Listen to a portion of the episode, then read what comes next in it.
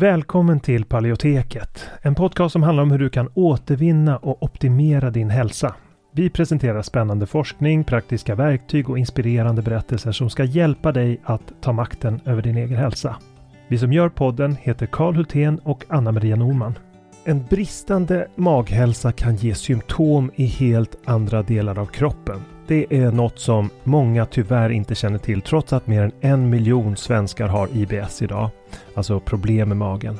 Och tyvärr är magproblem i de flesta fall inkörsporten till annan ohälsa. Det kan vara inflammation, diffusa symptom, allergier eller autoimmun sjukdom. Och för att möta den här trenden av växande behov så har vi utvecklat kursen Maghälsa på djupet. Där vi går på djupet med att vända dålig maghälsa som SIBO och IBS.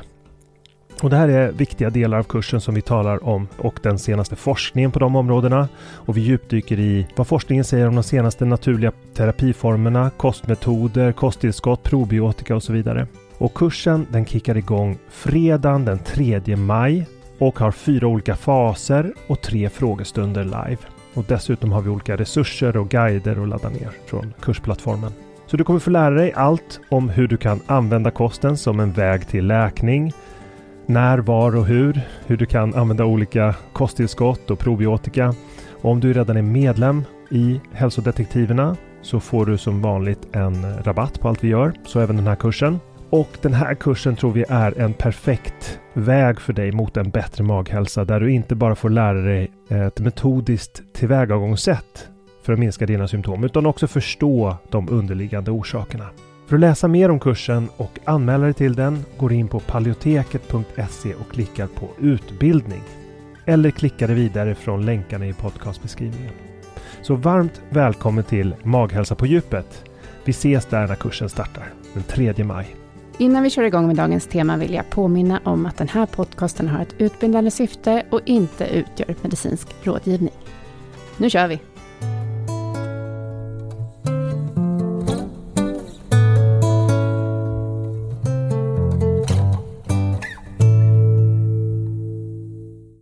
Idag ska ni få höra en intervju där jag träffar Anna Magnusson som är med i vårt medlemskap, Hälsodetektiverna.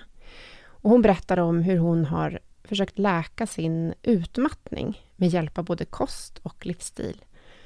Hon har fått en insikt om att det finns många olika saker som kan stressa. Det är inte bara ehm, stress på så vis att eh, man har mycket att göra, utan att eh, kost kan stressa, att Eh, hon har varit med om en IVF-behandling som har stressat henne, hennes kropp. Och eh, att eh, även pollen till exempel tar hon upp som en stressfaktor. Och vi pratar också om vad hon har gjort under sin tid i Hälsodetektiverna. Hon var med i vår hälsoutmaning i januari och testade då till exempel att sluta med mejeriprodukter och det gav väldigt häftiga effekter på henne. Hon fick under den månaden en minskade menssmärtor till exempel, vilket eh, har varit ett stort problem för henne. Hon berättar också om livsstilsfaktorer som yoga på morgnarna, som har varit otroligt viktigt för henne. Och jag vill berätta också att vi har en ny hälsoutmaning i Hälsodetektiverna. Den 23 maj startar den och pågår i 30 dagar. Den här hälsoutmaningen kallar vi för Reset 30. Och det handlar egentligen om att eh, göra en omstart under 30 dagar inom viktiga områden som är betydelsefulla när man bygger hälsa, oavsett vilket kostupplägg man använder eller eh, vilka hälsobesvär man har. Vi arbetar med kost, sömn, rörelse och social gemenskap. Och varje vecka så får du nytt spännande material. Det kommer också vara ett inledande seminarium och vi kommer prata om hur man bygger vanor långsiktigt. Dessutom så har vi nu lagt in workshops varje vecka där man kan få prata med andra deltagare i smågrupper. Och ett avslutande seminarium såklart, där vi drar slutsatser och firar det som vi har åstadkommit. Så gå in på paleoteket.se och läs mer under fliken medlemskap. Adressen är paleoteket.se medlemskap och självklart lägger vi också en länk i podcastbeskrivningen. Men nu ska du få lyssna till Anna Magnusson och alla hennes spännande erfarenheter. Hej Anna! Hej Anna-Maria! God morgon! God morgon! Ja, god förmiddag. Klockan är strax efter tio här. Och vi, har, vi har soligt här. Hur har du det? Jättefint. Strålande sol ute. Lite kallt men härligt. Jag har varit ute och tittat på mina tulpaner här på morgonen. Oh, härligt. Eh, var bor du i landet? Jag bor i Oskarshamn på östkusten. Mm -hmm. Ja, men då har du det kanske ännu eh, varmare. Ja, eller? ja, men det brukar mm. vara ganska mm. varmt och fint här. Mm. Det var väl eh, värmerekord i helgen tror jag för Oskarshamn. Över Oj. 20 grader så att det var härligt. Ja. Ja, Um, men vad spännande, då fick vi veta att du tycker om tulpaner. Um, vill du berätta lite mer om dig? Uh, och sen kommer vi komma in på dina hälsoutmaningar och hur du har mått ja. och hur du mår idag och sådär. Men först bara lite om dig.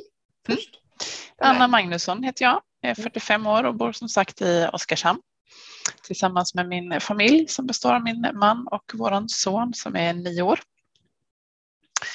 Uh, ja, jag har väl alltid varit hälsointresserad.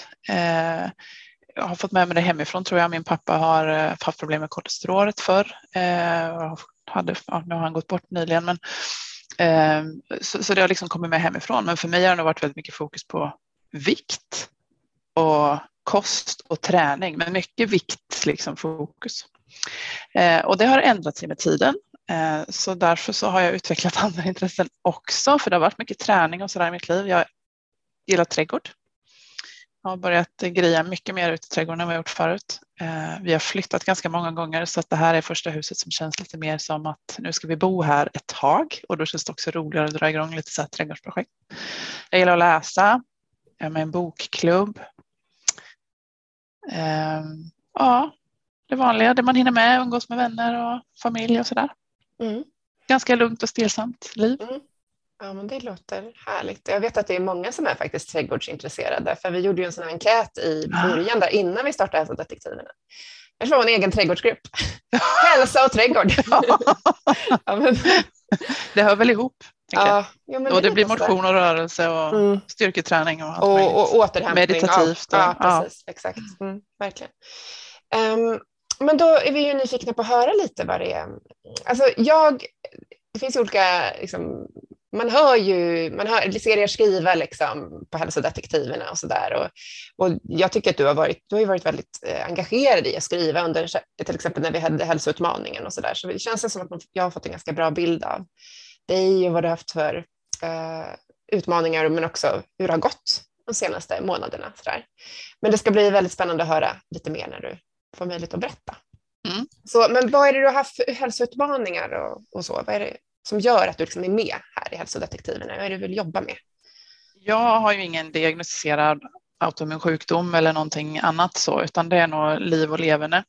Eh, och jag har nog alltid tänkt på mig själv som en ganska hälsosam person. Som jag sa innan, jag tyckte att det var intressant liksom med kost och, och träning och det, det var liksom hälsobegreppet för mig. Nu har jag lite så anteckningar vid sidan av här, för jag, mitt minne är ju lite vad det är nu eftersom att jag också är sjukskriven i utmattning. Så om jag sneglar ibland så vet jag vad det beror på. Ehm, men just eh, det som, som kickade igång det hela var väl egentligen när jag blev sjukskriven i utmattningssyndrom för tre år sedan, ganska precis nu. Ehm, och med alla de symptom som kommer med det, då, det behöver vi inte gå in på i detalj, tänka, men det är ju sömn och ja, mående och allt det där generellt. Eh, långvarig stress såklart, för det är det som leder till det här. Det kommer ju inte av sig självt. Den där stressen har ju berott på olika saker, både eh, ja, men emotionellt och saker som har hänt i livet, men även fysiskt. Eh, andra så smågrejer, pollenallergi har jag haft sedan jag var liten. Högt kolesterol har jag fått med mig. Eh, och där har väl läkarna sagt att det är ärftligheten och inget annat.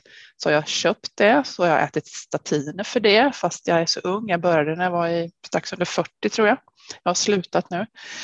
Eh, problem med min eh, mens. Eh, väldigt, alltså jag, som jag upplever kraftiga blödningar, väldiga menssmärtor, totalt utslagen i flera timmar oftast. Jag, är, ja, men jag kan inte göra någonting och så var det även innan utmattningen då. Och ländryggsvärk och diarréer ätit Ipren och Alvedon varje månad kring mens i säkert sju, åtta år och det påverkar ju kroppen. Eh, värk. Eh, när det var som värst innan jag blev heltidssjukskriven så kunde jag ju inte, jag kunde inte böja mig ner till golvet om jag tappade en penna eller ja, alla rörelser en bit utifrån kroppen var ju, kunde jag inte göra och sådär. Eh, infertilitet. Eh, vi har inte kunnat få biologiska barn. Eh, lite svajiga sköldkörtelvärden, lite järnbrist.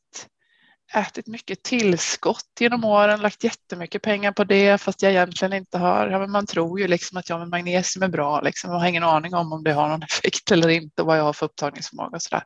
Så det har varit liksom eh, men lite allt möjligt och sen nu då på slutet så konstaterad SIBO, eh, Klebsiella och sen den här Helicobacter pylori då också som jag har fått veta via funktionsmedicinska tester. Mm. Jag har ju även varit i kontakt med hälsocentralen men det har jag inte fått lika mycket hjälp eftersom mina värden är inom referensvärdena och då är man ju per definition frisk fast man känner sig som skit. Mm. Så ja, det är väl lite kort om bakgrunden, liksom det som mm. har byggt upp tror jag till, till att jag kraschade helt enkelt här för tre år sedan. Då. Precis.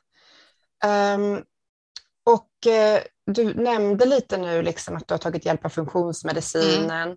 Mm. Um, Fick du någon hjälp i sjukvården kring det här med utmattningen och så där? Det brukar finnas en stressskola. Och liksom ja, nej, det har ju gått via företagshälsovården så att jag mm. har ju fått samtalshjälp där av psykolog och det har varit ovärderligt. Det har varit mm. jätte, jättebra. Det jag saknade där var ju att man inte gjorde någon form av fysisk koll. Mm. Och jag förstod ju inte det här heller från början. Det är klart att jag tänkte att det var mentalt. Jag har väl stressat mig till det här och så är det bara mentalt jag är slut. Men kroppen är också slut. Mm. Den är, det är ju den som egentligen är slut som sätter stopp och gör att man hamnar i utmattningen på något vis och det där fattade jag inte från början. Så därför så tog jag ju kontakt med vanlig, alltså hälsocentralen till att börja med då mm. eh, för att få lite koll på värden och så. Men eh, ja, det tog stopp där. Jag fick göra en koloskopi eftersom att jag hade lite problem med magen, men det visade ju ingenting då såklart eftersom att det var inte där jag hade problemen i tjocktarmen utan i tunntarmen. Mm. Och sen eh, var jag färdig där. Ja. Och ja, men samtalsstöd jag... fick du i alla fall. Ja, absolut. Liksom, du, jag, jag har fått feedback från en person som hörde av sig eh, som sa jag tycker det är så tråkigt, som jobbar inom sjukvården, som sa så här, jag tycker det är så tråkigt, som har varit med i hälsodetektiven, mm. och så här, det är så tråkigt att alla är så, har så dålig bild av sjukvården. Så, här. så tänkte jag så här, ja, men det är ju bra att man ändå lyfter upp vad som är bra. Alltså så här, vad har man fått hjälp mm. eh, kring? Sen saknas det någonting, en komponent som behöver komma, kompletteras. Absolut. Um, så att man hela tiden kommer ihåg det här, men jag har fått hjälp på vissa områden. Ja, och väldigt bra stöd från företagsläkaren skulle jag säga också, för mm. att eh, det är ju också en, en eh, en resa att förstå själv och man behöver stöd av en, en, läkare som är bra som kan stötta upp eh, ja, men, eh, gentemot Försäkringskassan och för sig själv och i företag. Så, där, så att det, mm. läkare och samtalsstöd via psykolog har varit jättebra. Mm absolut. Precis, men, det, men det fysiska fysiskt. pusselbiten eh, har, eh, har, man inte haft med där då, riktigt. Och då hade du ändå kunskap och intresse. Så att du liksom tog tag i det här med att kolla dina värden. Ja. Mm. ja det, det, gick ju några månader, eller ett halvår nästan, där jag var så trött så då orkade jag inte göra så mycket. Men efter det halvåret så kände jag att nej, nu vill jag på något vis eh, nollställa mig. Så då slutade jag äta Alvedon och Ipren. Jag slutade äta godis, försökte utesluta socker. Jag har aldrig varit någon stor bröd och pastaälskare så jag tänkte jag provar det också. Ehm, jag slutade ta tillskotten. Och vad gjorde jag mer? Jo, men det var nog samma veva jag började äta vegetariskt också, för det tyckte jag. Jag hade liksom läst böcker om inflammatorisk kost och så där och då, och då trodde jag ju det, det här är vägen liksom. Och då mm. tänkte jag att ja, men då, då kör jag vegetariskt, det verkar bra. Um, Innan dess hade jag slutat med kaffe, för jag har inte heller varit någon stor kaffedrickare. Jag slutade med, jag hade druckit rätt mycket Cola light i mitt liv. Det hade jag också slutat med innan på grund av att tandläkaren sa att det var så bra för tänderna. Något annat var det inte då för min del. Ehm, och alkohol gick ju inte heller. Jag har aldrig varit någon stordrickare, men, mm. men alkohol gick inte med utmattningen heller. Så att jag hade liksom redan börjat på att fasa mm. ut vissa grejer. Så att på något vis så var det inget stort steg det här med med gluten egentligen då. Jag behöll havregryn och spannmål och sådär. Men sist är vegetariska när jag började äta mycket mer bönor och, och den typen av mat. Och även halloumi, alltså mejeriprodukter. Det gick ju bara några månader, sen mådde inte jag så bra. Nej. Eh, faktiskt. Och vilket, på, på vilket sätt? Hur påverkar Men det?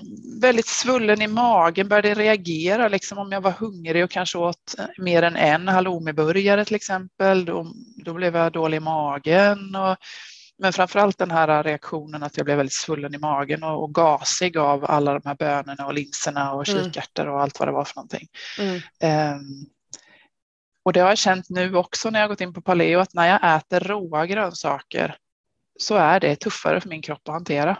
Mm.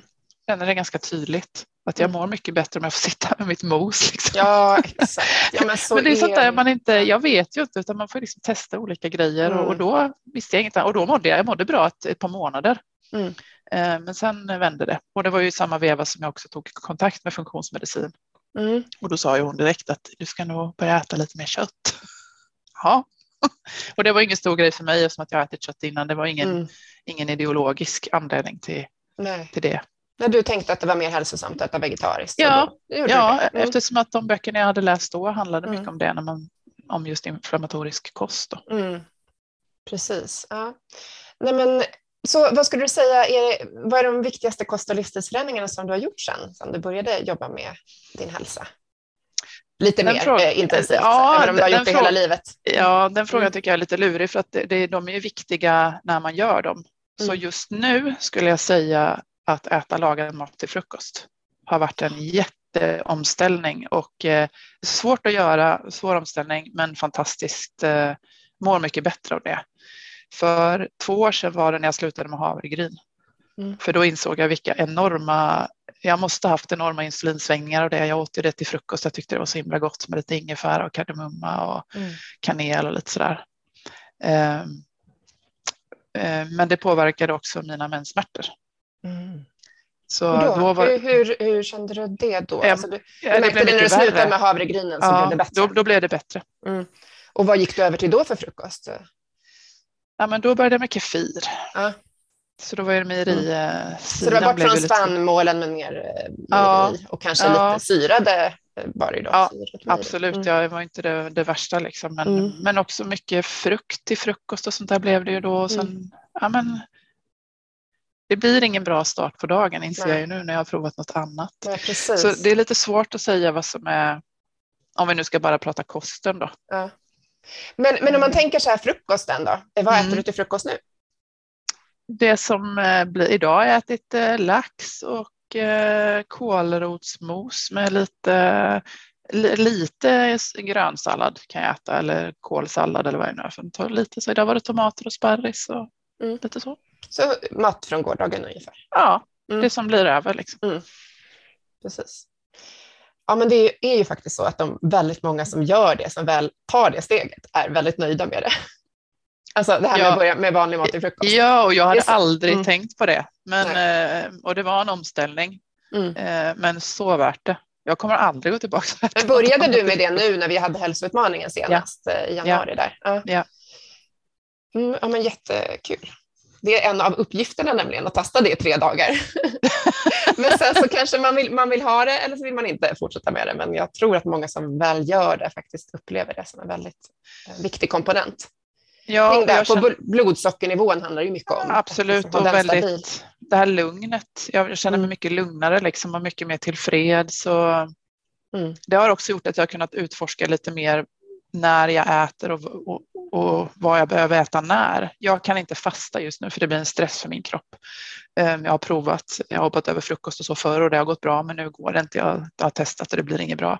Men däremot liksom att äta mycket på kvällen funkar inte har jag märkt nu och ibland har jag testat att kanske bara dricka benbuljong med lite fett i på morgonen.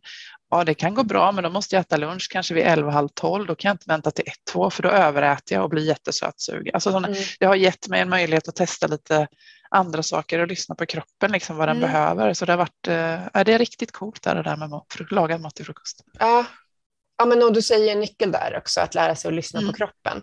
Jag Mm. menar, om man te- testar att äta vanlig mat till frukost då i tre dagar till exempel, Mm. och så känner man hur det känns. Mm. Och sen så testar man att äta sin vanliga frukost. Och Mm. bara så notera, hur känns skillnaden här?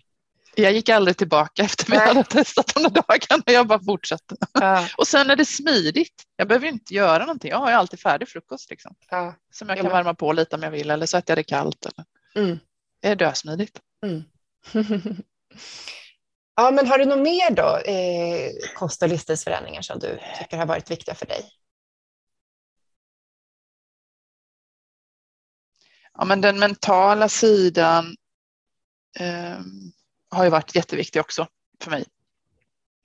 Att eh, verkligen jobba med mitt mindset, och nu pratar jag ju längre tillbaka än bara sedan hälsoutmaningen i våras då, eh, kring hur jag tänker. Ehm, det har ju varit mycket prestation i mitt liv. Att prestera sig till saker och, det, och därför har det varit viktigt att det här med kosten och det är den här hälsoutmaningen att det, det får inte bli en prestation, då får jag backa istället. Ehm, och det händer ju alltid saker i livet, så jag kan ju ha haft en plan och så händer det någonting och då, då får jag backa och göra, något, göra någonting annat eller göra om eller bestämma för att hålla i det jag gör nu och sådär. Ehm, Eh, så är psykologsamtalen, men sen har det varit jättemycket jobb för min egen del däremellan. Eh, att bli snällare med mig själv, mer tillåtande. Mm. Jag gick på basal kroppskännedom förra året i både enskilt och i grupp och då Eh, hade den fysioterapeuten eh, som ett citat som hon sa till mig att eh, att öva är att försöka, inte att lyckas. Och det där fastnade hos mig, så det brukar jag försöka tänka när jag tycker att nej, nu gick det inget bra, det där gick inte som jag hade tänkt. Mm. Så, men jag övar ju på det här. Nu övar jag på att bli intervjuad här. nu övar jag på att börja jobba mina 25 procent igen, för jag har varit sjukskriven i två omgångar senaste året, mm. senaste tre åren.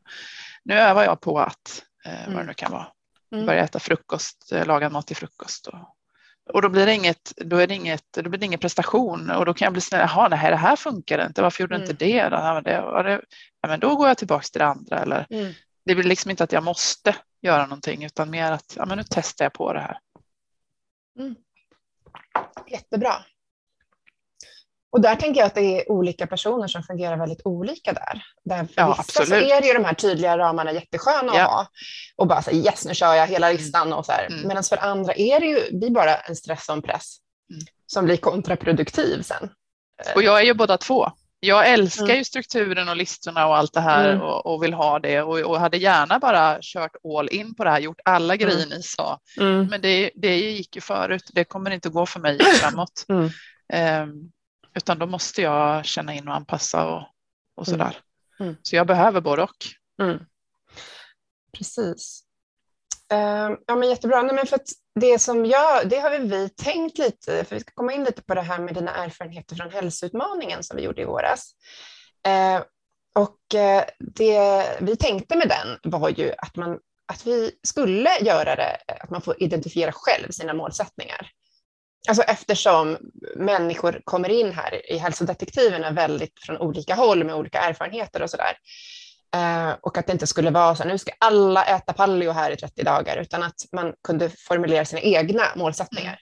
Ja, för någon kanske handlar om att jag äter en konventionell kost, jag ska bara ta bort gluten. Det är mitt mål här. Eh, men att vi har på något sätt den evolutionära, evolutionära grunden, att vi har det mm. perspektivet. Liksom.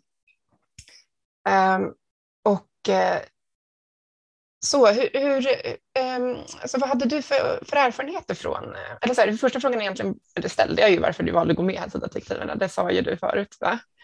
Uh, Nej, det vet jag inte vad jag gjorde, men för mig, mm. för mig var det nog det här att det kom så himla lägligt. Jag vet att jag läste, jag tror det var på Instagram eller någonstans, och då tänkte jag så här, ja, nu har jag kört här funktionsmedicinen i ja, nästan två år och jag behöver ett, ett perspektiv. Till, jag har ingen att prata med om det här. Det är mm. ingen mer som är så hälsonördig som jag är eller så här, eh, och, och jag har hälsointresserade kompisar men inte på den nivån. Liksom. Så jag kände att det kom så himla lägligt att jag behövde en pusselbit till. Mm. Och det har verkligen gett en skjuts i, i, i um, att öka min kunskap kring olika områden och också kunna koppla av lite mer och till exempel om kolesterol som att det är en, en viktig del för mig och den har alltid liksom läkarna sagt att ja, du har högt kolesterol, du måste äta statiner och så där så vill jag sluta. Och sen har jag testat kolesterolet nu då både före och efter eh, paleoförändringen här med att ta bort mirina och det har ju stuckit för mig. Men då kunde jag känna mig lite lugn när jag hörde någon av poddarna där Karl berättade liksom hur det förhåller sig och triglycerider och så där. Mm. Och då, ja, men då, då kan jag koppla av kring det. Jag behöver inte göra någonting mer med det nu. Jag mm. äter bra, jag sköter mig, jag har en ärftlig faktor. Det där kan jag gräva lite mer i sen. Mm. Men just nu gör jag vad jag kan för det. Liksom. Och, mm. och det har varit jätte, jätte skönt. Uh, och, och, jag kan vara en av de tror jag, som blev lite stressad av det här upplägget, märkte jag när vi väl gick igång sen att det var ett nytt tema varje vecka. Uh, även om jag själv vet att jag får sålla och sådär. Men samtidigt så uppskattade jag att få den där äh, informationen för att det gav mig en input i vad jag faktiskt behövde jobba med och inte. Mm. Det blev tydligare när jag såg det andra, när folk gav tips på saker. Ja, men det där gör jag redan, eller nej, men det där gör inte jag. Det där var en jättebra grej och då kan jag säga, men ska jag göra det nu? Nej, det ska jag inte. Nu ska jag göra det här, nu fokuserar jag på det. Så jag, i slutändan blev det jätte, jättebra och jag mm. behöver den här peppen för att kontinuerligt um, utvecklas tror jag. Mm. Jag ser det som liksom en, en långsiktig en gemenskap att vara med i. Jag gillar sånt. Jag tror man lär jättemycket av, av varandra. Mm. Det är väl därför jag är aktiv också där på, ja. på forumet. För att jag, jag uppskattar det så mycket att folk delar med sig. Och det, ger, det ger mig jättemycket. Jag snappar saker hela tiden. Ja, vad fint. Nej, men för att jag uppskattar ju väldigt mycket er som är engagerade och skriver. Och jag tror att de som inte skriver uppskattar det också väldigt mycket. Mm. Um, det var som Lena sa i intervjun. um, hon pratade om hur hon engagerar sig, liksom att hon tar mm. del av allt och läser allt, mm. men hon orkar inte skriva. Nej. Um, så då får man ju tänka det också när man skriver, så är man, liksom, man bidrar ju med någonting mm. till någon annan. Um, men alla ska inte känna att de behöver det. Liksom. Och har man en period man inte orkar det så Ja, nej, men det. så är det ju. Nej, nej. Ja, men jättefint. Um, och vi, vi, vi uppmuntrar ju alla deltagarna att uh, ta fram en hälsoplan i början. Och då har mm. vi, nu senast hade vi fyra områden och det var då kost, uh, rörelse, sömn och social gemenskap. Ja.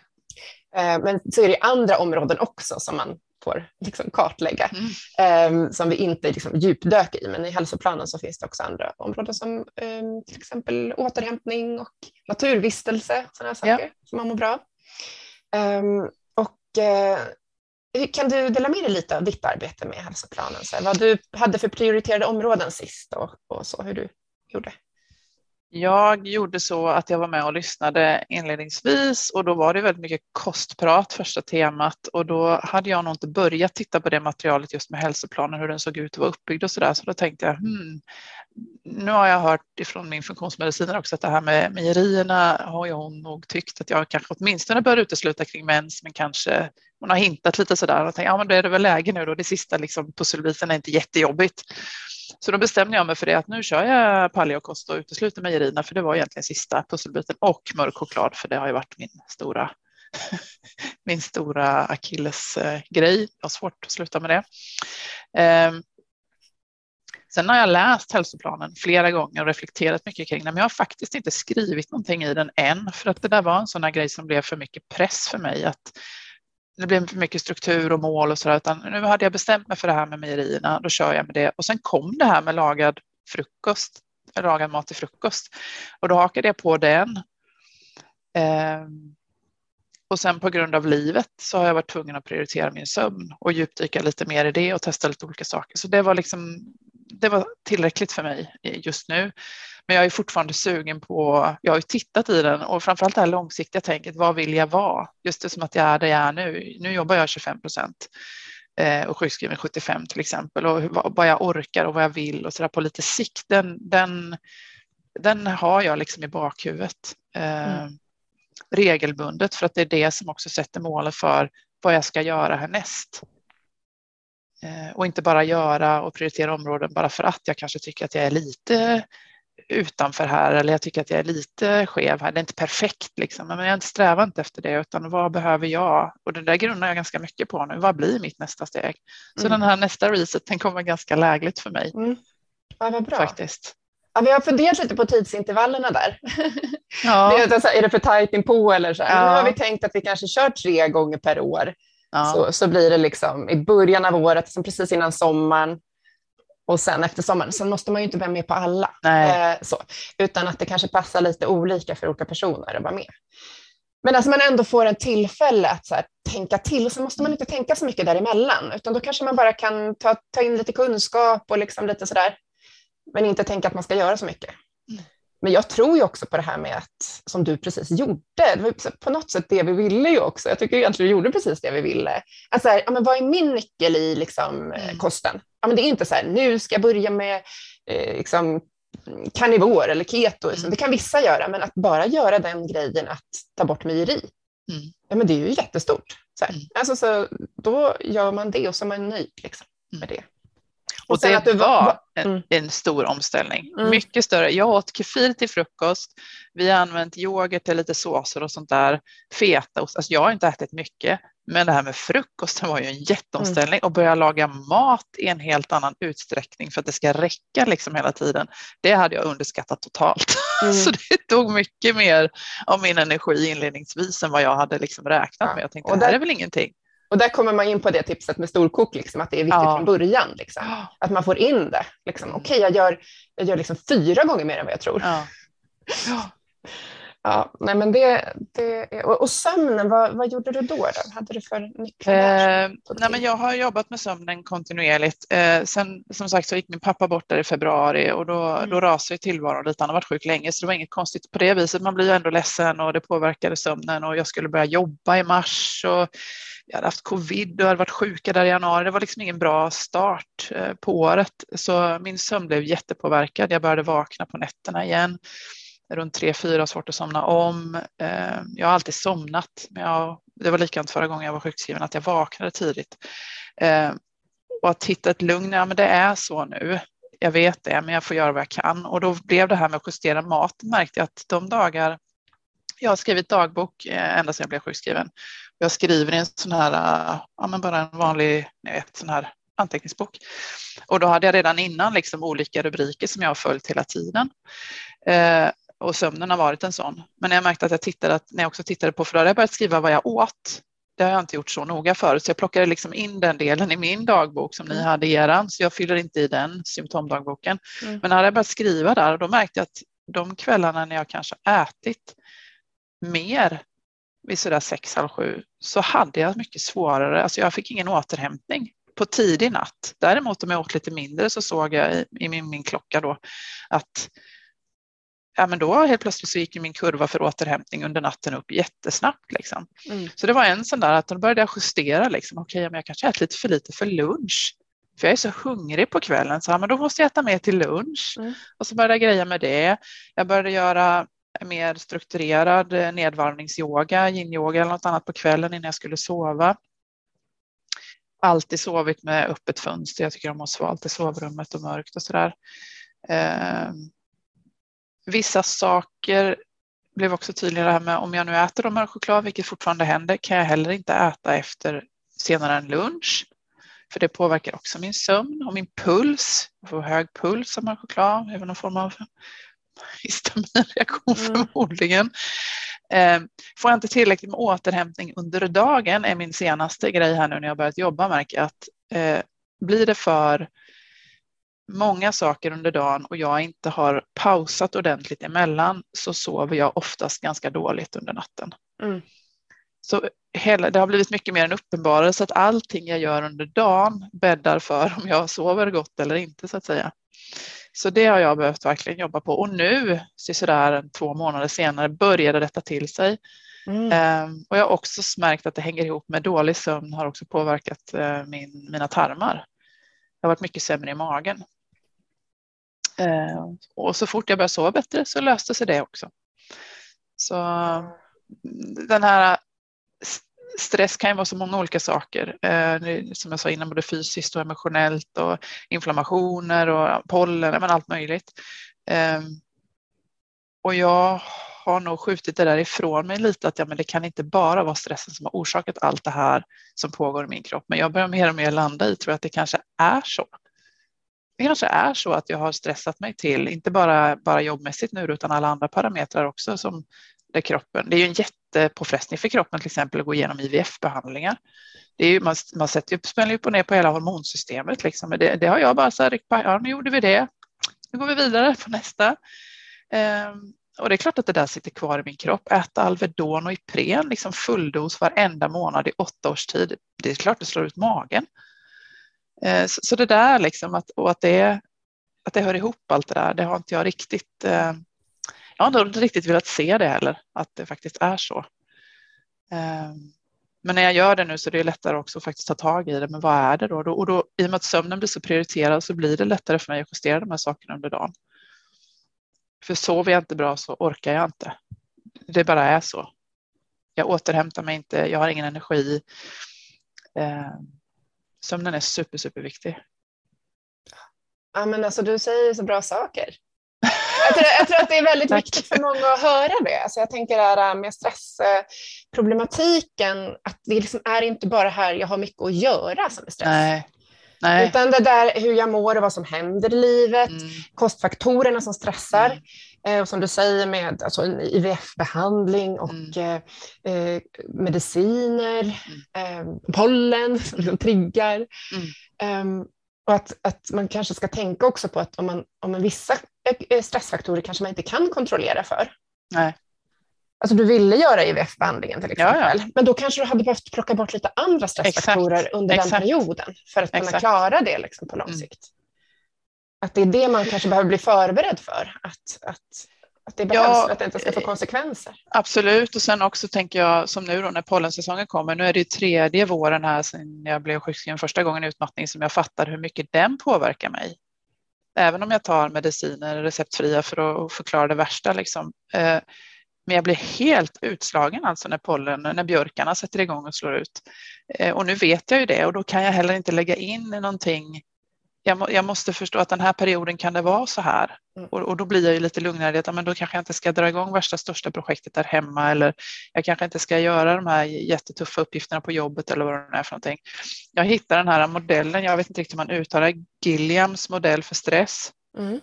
Den eh, eh ger mig, har gett mig väldigt bra verktyg där man verkligen ser eh, indelningen på de här olika stressdelarna. Att, att det inte bara är det emotionella eller upplevda, för så har jag nog tänkt kring stress. Och att eh, många säger att ja, men det är inte stressen, det är återhämtningen, brist på återhämtning. Och det är också sant, för det, det är inte stressen, vi är gjorda för det. Vi ska ju klara av det kortsiktigt, mm. liksom. men, men återhämtningen. Mm. Sen nu, nu låter det som att jag gör mycket rätt här och bra, men fast jag trillar ju av hela tiden jag också. Hela ja, så, tiden. så är det för alla. Ja. Alltså jag tänker så här, det första är ju liksom att man ska ju få insikt om vad det är man behöver ja. göra, men sen gör man ju inte det hela tiden. Men Nej. man kan ändå återkomma till det. Mm. Okej, nu satsar jag, nu försöker jag. Och där är mitt dagboksskrivande, jag skulle säga yogan, morgonrutinen med yogan och lite andra grejer och eh, mitt skrivande. Eh, för skriver jag inte ner jag vet ni sa det någon gång, så, ja, men om man inte skriver ner symptomen på när man har ätit, så där, det kommer man att glömma typ efter en dag eller två. Och det är likadant med allt annat. Jag, kommer, jag kan ju uppleva så här, och jag har sovit så dåligt sista månaden. Det har varit hemskt alltså. Och så sätter jag mig och gör en månadsreflektion och så säger jag, nej men jag har ju sovit mm. hela nätter, nästan hela månaden, men de sista tre dagarna kanske. Alltså hjärnan har ju så, den har inte det, det är kortsiktigt. Eh, och då, jaha, ja men det var ju bra då då var det inte så farligt som jag trodde. Och vad berodde det på de här sista tre dagarna? Ja, men det kanske var någonting. Det kanske var pollen eller vad som helst. Eller ehm, usch vad det har varit jobbigt på jobbet eller vad, vad det nu är liksom. Men då ser jag att jag stämmer eller stämmer inte. Ja, men det har jag också upplevt med det här med social gemenskap, om man säger så. Alltså så här, att känna sig, jag känner sig ensam. Liksom. Man bara, jag har ju bara jobbat och jag har inte träffat en enda vän den senaste Nej. månaden. Nej. Usch vad jag är ensam. Och så tittar man tillbaka i dagboken och bara, ja. jag träffade den där, och träffade jag den. Ja. Och det var ju jättekul. Åh, vad kul det var. och så kommer man liksom, är det som att man återupplever det igen? Ja. Lite så om man har skrivit ja. ner att man gjorde det, och så kommer man ihåg vad det var man gjorde och vad man mm. pratade om. Mm.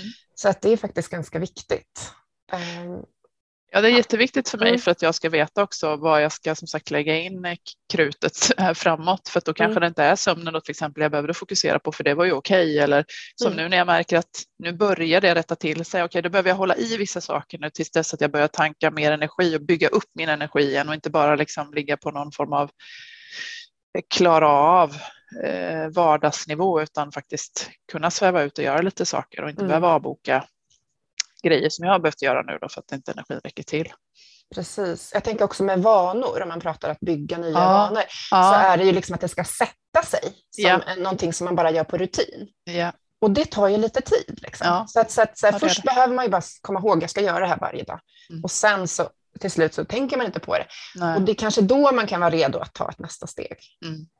Så att det inte blir för många saker man måste så komma ihåg. Ja och bygga på de bra vanorna man har, tänker jag. Nu kanske mm. jag kommer in lite på det där med, med tips och så, men för mig mm. har det varit just med morgonen då, att yogan har varit jätteviktigt för mig på morgonen, för då känner jag av hur jag mår i kroppen kroppen och vilken energi jag har, om jag har ont någonstans eh, och liksom vet lite hur jag ska anpassa dagen efter det. Mm. Eh, och då har jag en rutin där och då har det varit lättare att bygga på en rutin till på den redan befintliga. Som till exempel att eh, nej, men nu, nu vill jag verkligen fördjupa mig lite där med meditation, vilket jag tycker är svårt. Eh, men jag kan lägga till eh, två, tre, fyra minuter efter yogan. Det hinner jag ju. Det tar inte så lång tid. Så, ja, så gör jag det och så testar jag det ett tag. Eller jag vill läsa någonting inspirerande. Ja, då lägger jag till det också. Det tar ju också bara 30 sekunder. Liksom. Så jag tror det är på att bygga på. Likadant med dagboken då. Istället för att börja fylla i den här symptomdagboken så plockade jag in de delarna i min istället för jag vet att min funkar. Mm. Då ska inte jag hålla på att byta utan det här funkar för mig. Jag vet att jag gör det. Hur kan jag bygga på den eller lägga till någonting litet eller justera? Ibland mm. tar jag bort saker och lägger till någonting annat beroende på vad jag behöver fokusera på. men exakt, vad är det för frågor? Det viktigaste är ju vad är det för frågeställningar jag ska besvara, ja. vad är det jag ska reflektera kring. Mm inte på vilket sätt man gör det. Nej. Ehm, för vissa kanske funkar bra att skriva i mobilen, även om jag, det kan vara bra att frigöra sig från det digitala. Men vissa gillar appar och liksom logga mm. grejer och sådär, för att mm. man alltid har den med sig. Mm. Uh, om det är det som får en att göra det så är det bra. Ja, ja. Man får mm. hitta sitt sätt. Mm. Men eh, hur skulle du säga nu de senaste månaderna? Eh, har, eh, uppnådde du några hälsovinster av de här förändringarna som du gjorde? Ja, men kosten tycker jag eh, absolut. Jag kan inte säga att jag känner, jag har känt av en del förbättringar, men jag vet inte om det är att jag tagit bort mejeriprodukterna eller om det är att jag faktiskt äter lagad mat till frukost. Ja, det vet jag ju inte. Men, eh, men den här eh, känslan av att vara mycket stabilare insulin under dagen, att, att inte vara så svajig, eh, är ju fantastisk, tycker jag. Mm. Eh, ja. Du sa faktiskt någonting under, eh, du skrev ju ett litet inlägg, eller du svarade på vår fråga där efter hälsoutmaningen där. Och då mm. beskrev du att du har fått mindre och färre symptom runt ägglossning. Ja, det Efter stämmer. den där månaden bara. Ja, det stämmer ju mm. faktiskt. Det stämmer. Sen, så det var ju ganska snabba resultat. Absolut. Sen mm. när jag fick den här andra, när pappa gick bort så ökade min stress. Ja. Så därför så kom många symptom tillbaka och då är det så svårt för mig att liksom veta, nu börjar det rätta till sig igen. Så nu kanske jag kan börja se liksom, vad är det för, för bra effekter av det. Det är det som är lurigt med det här tycker jag, att när saker och ting kommer in och påverkar så, så kan det vara svårt ibland att veta vad som är vad. Mm. Uh, och det är väl därför det är bra att kanske testa en grej i taget också, för det kommer ju alltid hända andra saker mm. uh, så man vet vad som har effekt eller inte. För jag kommer inte, alltså jag, jag är riktigt sugen på fetaost till exempel, det kan jag bara mm. känna, och särskilt nu på sommaren, jag älskar att ha det i sallader mm. och då tänker jag så här att nej, men jag kommer testa det, jag kommer äta det och mår jag inte dåligt av det så mm. ja, då, då kommer jag äta det mm. liksom. Men när det gäller det, så här, för att riskminimera, så tänker jag fetaost, finns väl fetaost utan komjölk? Ja, det gör det säkert. Jag har alltså inte grävt för det är ju getmjölk och sen gör de, nej, nej, får, får. Um, men, men att de ibland gör en kombination av får och ko. Aha, okay. Uh, men lite dyrare, bara lägga till fem spänn, så, mm. så liksom är du på yeah. bara får. Yeah. Och då har du ju um, tagit bort i alla fall komjölken. Ja, just det. Så det kan ju vara så, det är mm. många som reagerar på komjölk men inte på till mm. exempel get. Mm. Så man kan äta chèvre mm. och man kan äta får. Eh, Just det. Fårmjölk. Jag blir så himla sugen. Vi brukar ha ost här hemma ibland. Det är inte så ofta min, min man och, och son inte heller några stora smörgåsfantaster. Men, och då blev jag så himla sugen så då tog jag och hyvlade några skivor och bara stoppade i munnen. Så här. Mm. då sa min man eh, dagen efter så här. Jag går alltid och lägger mig för honom och han bara eh, det luktade väldigt illa i sovrummet igår när jag kom. Jag bara, va? Jaha har du gjort någonting? Nej, säger jag, nej, jag vet inte. Och sen gjorde jag likadant dagen efter. Osten ja. åkte fram och sen tog jag en skiva och sen säger han samma sak igen och då kopplade jag ihop så här. Jaha, jag blir dålig i magen. Ja, blir gasig den. Jag blir mm. gasig. Mm. Mm. Fast det kom inte förrän jag la mig och sov så jag visste ju inte om det. Jag kände det inte. Mm. Men eh, så bara, jaha, nej, jag ska inte äta. Men alltså, då ska jag berätta att min mage börjar prata av mejeri. Ja. Alltså det blir så där, jag kan ligga på kvällen så säger Kalle så här, alltså vad har du ätit? du, din mage låter så här. det är också så här en ost eller någonting sånt där. Jag brukar ju äta inte heller mejeri, eller jag äter inte mejeri dagligen, men barnen Nej. äter mejeri. Ja. Att vi har ju det hemma, så ibland mm. liksom, jag har inte någon så här jättetydligt eh, fått någon tydlig symptom, men det där Nej. är ju faktiskt någonting. Ja. Magen tycker inte det är jättekul. Nej, och det känns som att mejerierna har nog varit den, den saken som jag tror kanske sitter djupast hos mig. Alltså den, den, får inte en jätteeffekt när jag tar bort den, men förmodligen på lite sikt så kommer jag nog märka saker. Det känns lite så som att den är liksom lite mer låg, eh, lågverkande eller vad jag mm. ska säga. Det blir inte så super effekter av det direkt om jag skulle få i mig det. Liksom. Mm. Men, men på tid och längd så gör det ju någonting förmodligen i kroppen som, eh, som inte är bra. För mig var det väldigt stor, alltså, när jag tog bort mejeri, för jag tog bort lite olika saker i i, i sjok. Liksom så. Jag tror att jag tog bort gluten och mejeri samtidigt och då blev jag av med min pollenallergi. Alltså, så här, jag, tänkte på din, jag, jag tänkte på din pollenallergi, ja. kanske nästa säsong. Ja. Kanske skulle kunna, kanske kan vara en sån motiverande faktor. Ja. ja, det skulle um, vara jättehärligt. Ja, alltså av och av, jag medicinerar inte. Ibland när det är jättehöga nivåer så kan jag ta mm. lite i näsan. Mm. Men förut åt jag ju alltid såna tabletter. Ja. ja, det måste jag för tio göra. år sedan. Mm. Ja. Det måste jag fortfarande göra. Ja. Ja, men det är ju jätteskönt när man ser alla som går runt ja. och snorar. Och så bara. Det var det jag tänkte nu. Nu kanske det försvinner, men mm. det är ju mm. likadant där. Totalbelastningen var ju ganska hög under våren ja. här och då är det ju svårt att veta liksom vad, ja. ja. det är inte säkert det hade funkat liksom just Det tar nu, lite men... tid. mm. också. Mm. Mm. Men vad har du tänkt? Har du tänkt delta i nästa? Det har du sagt att du skulle göra i nästa Absolut. Ja, och vad har du tänkt fokusera på då? Har du... Eh, jag, jag, är sådär, jag går ju igång då, det är det som är min, eh, det är både roligt och, och min utmaning, men jag har ju massa saker. Det som jag gick igång på förra utmaningen var ju styrketräningen.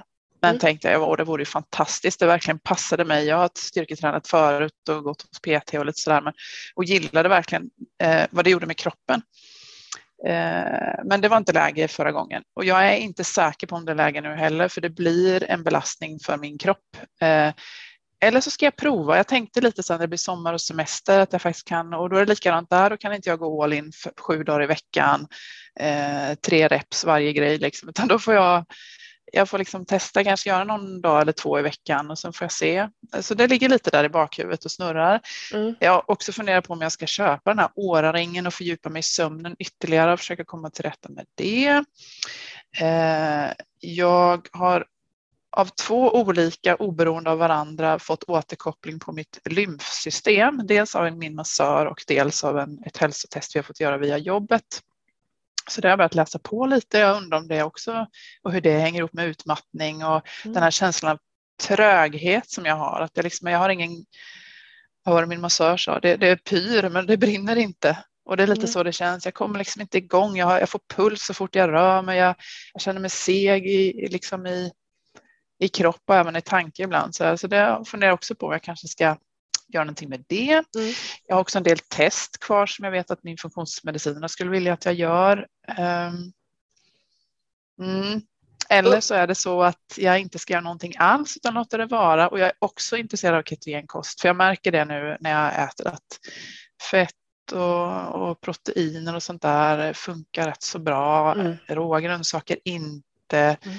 och det ska jag definitivt inte göra nu. Jag ska inte gå in på ketogenkost nu, men jag, det, det är liksom, jag har de här spåren och sen mm. får jag se lite vad det landar i, vad jag, vad jag tror skulle ha eh, mest effekt tror jag just nu mm. på mitt mående, för det är, ändå, det är väl ändå dit, åtminstone jag vill mm. komma och alla vill komma, att man vill ha en effekt på hur man, hur mm. man mår. Eh, så jag vet inte än och då tänker jag att eh, jag har dem där i bakhuvudet och sen när vi kör igång så tänker jag att då har det klarnat och så får mm. jag lite pepp och inspiration av, ja. av er och andra och så, så kommer det att landa. Ja men precis. Alltså det låter ju som att du har ju liksom på något sätt en eh, femårsplan här på dina grejer. Det har jag nog definitivt. men det är ju jättebra att ha det också. Alltså jag tänker så här, jag vill testa, vad ska jag testa nu? För du är fortfarande sjukskriven. Du ska ju inte stressa på liksom, systemet för mycket här. Du gör väldigt mycket bra saker. Um, så en sak skulle ju kunna vara att bara hålla i de här sakerna Exakt. och ändå vara med och inspireras. Exakt. Ja. Det var det jag skrev ja. som en till mig själv också, att ja, men det kan också vara så att jag faktiskt bara ska hålla i nu mm. och låta det landa, för det är egentligen först nu som jag känner att det har landat lite mer mm. eh, och jag mår lite bättre och sover lite bättre och så där. Då, mm ja, jag ska snart gå upp kanske lite mer i arbetstid också. Då är det mm. också en ganska stor faktor och då ska jag inte hålla på och dribbla igång någon stor annan förändring också Nej. samtidigt. Man kan ju tänka sig vissa saker som man vill utveckla som har att göra med det man redan gör. Till exempel, mm. vad mer kan du laga till frukost? Mm. Alltså vad mer ja, kan vi laga för storkok som funkar mm. bra till frukost? Alltså så att bygga på och förbättra det ja. som du redan gör. Uh, att man kan hjälpas åt med sådana grejer.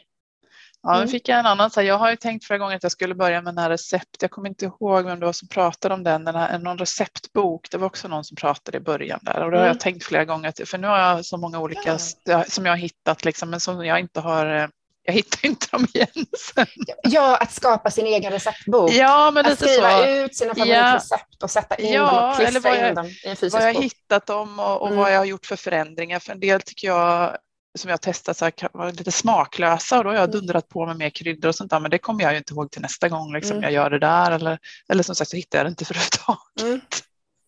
Ja, ja det precis. kanske ska bli det då. Ja, vi får ja, se. men det var en väldigt bra idé. Ja. det tror jag fler kan ha nytta av att göra det. Um, men du kom in på det där med dina bästa tips att bygga på. Mm. Uh, har du några mera tips? Och för andra som, det, frågan är ju då, har du några tips till andra som är i samma situation mm. som du har varit mm. i? Och då tänker jag utmattning kanske.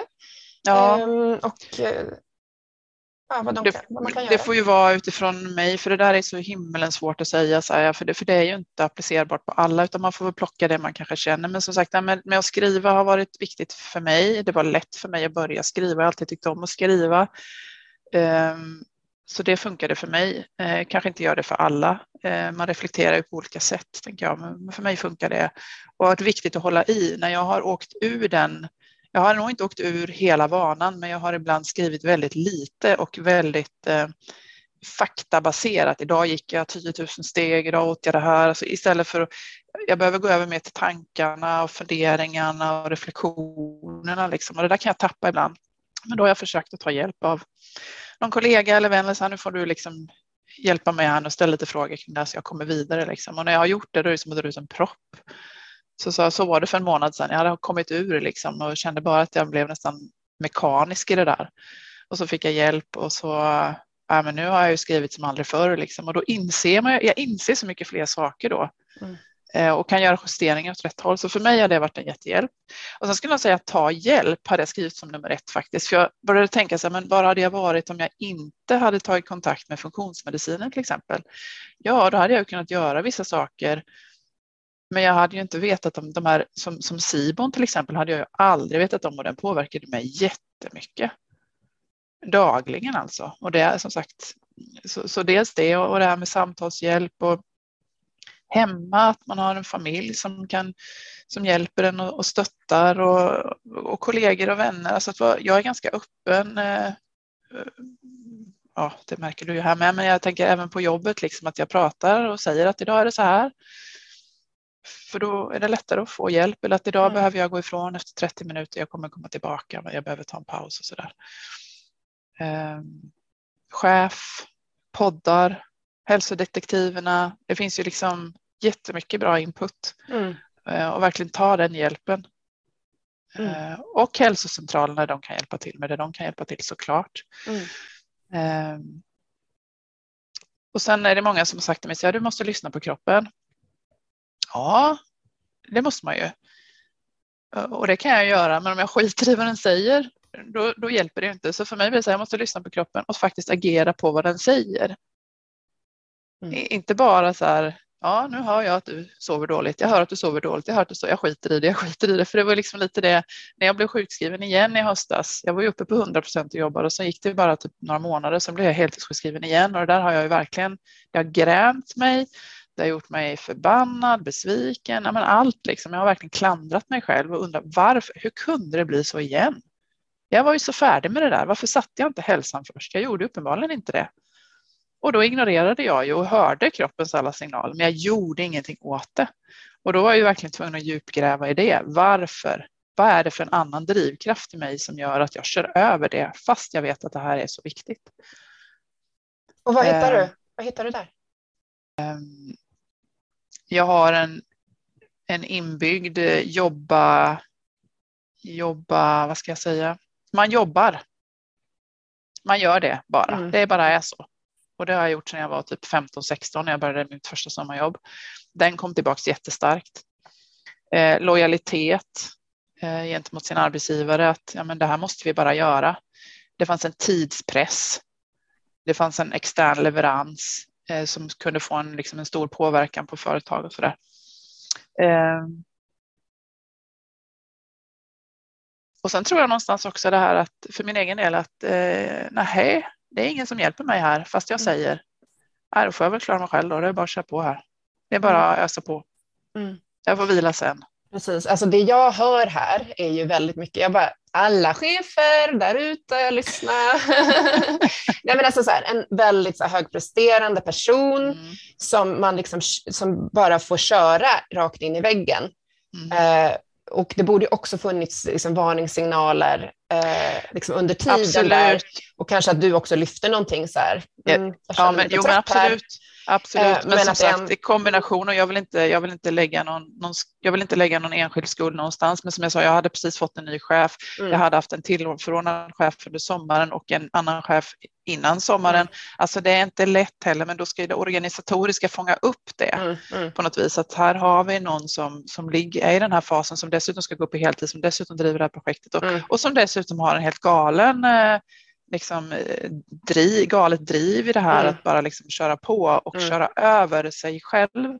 Så jag har ju en helt annan kommunikation med min chef nu och talar om att det här är mina svårigheter och det här brottas jag med och här kommer jag behöva din hjälp med mm. att, att se det. För vad som händer när man går in i det där att jag, jag, man ser ju inte riktigt själv heller. Nej det blir en stresskon och sen kör man slut på sig. Sen gick jag ju mm. inte, jag blev inte riktigt, jag blev inte så dålig som första gången. Jag har ju kommit tillbaka snabbare och så, men, men det är ju inte värt det någonstans mm. för fy vad kroppen får ta stryk. Och jag, vet, och jag börjar bli rädd nu också faktiskt mm. för vad, vad händer på insidan Mm. Eh, kring det här som jag inte ser. Mm.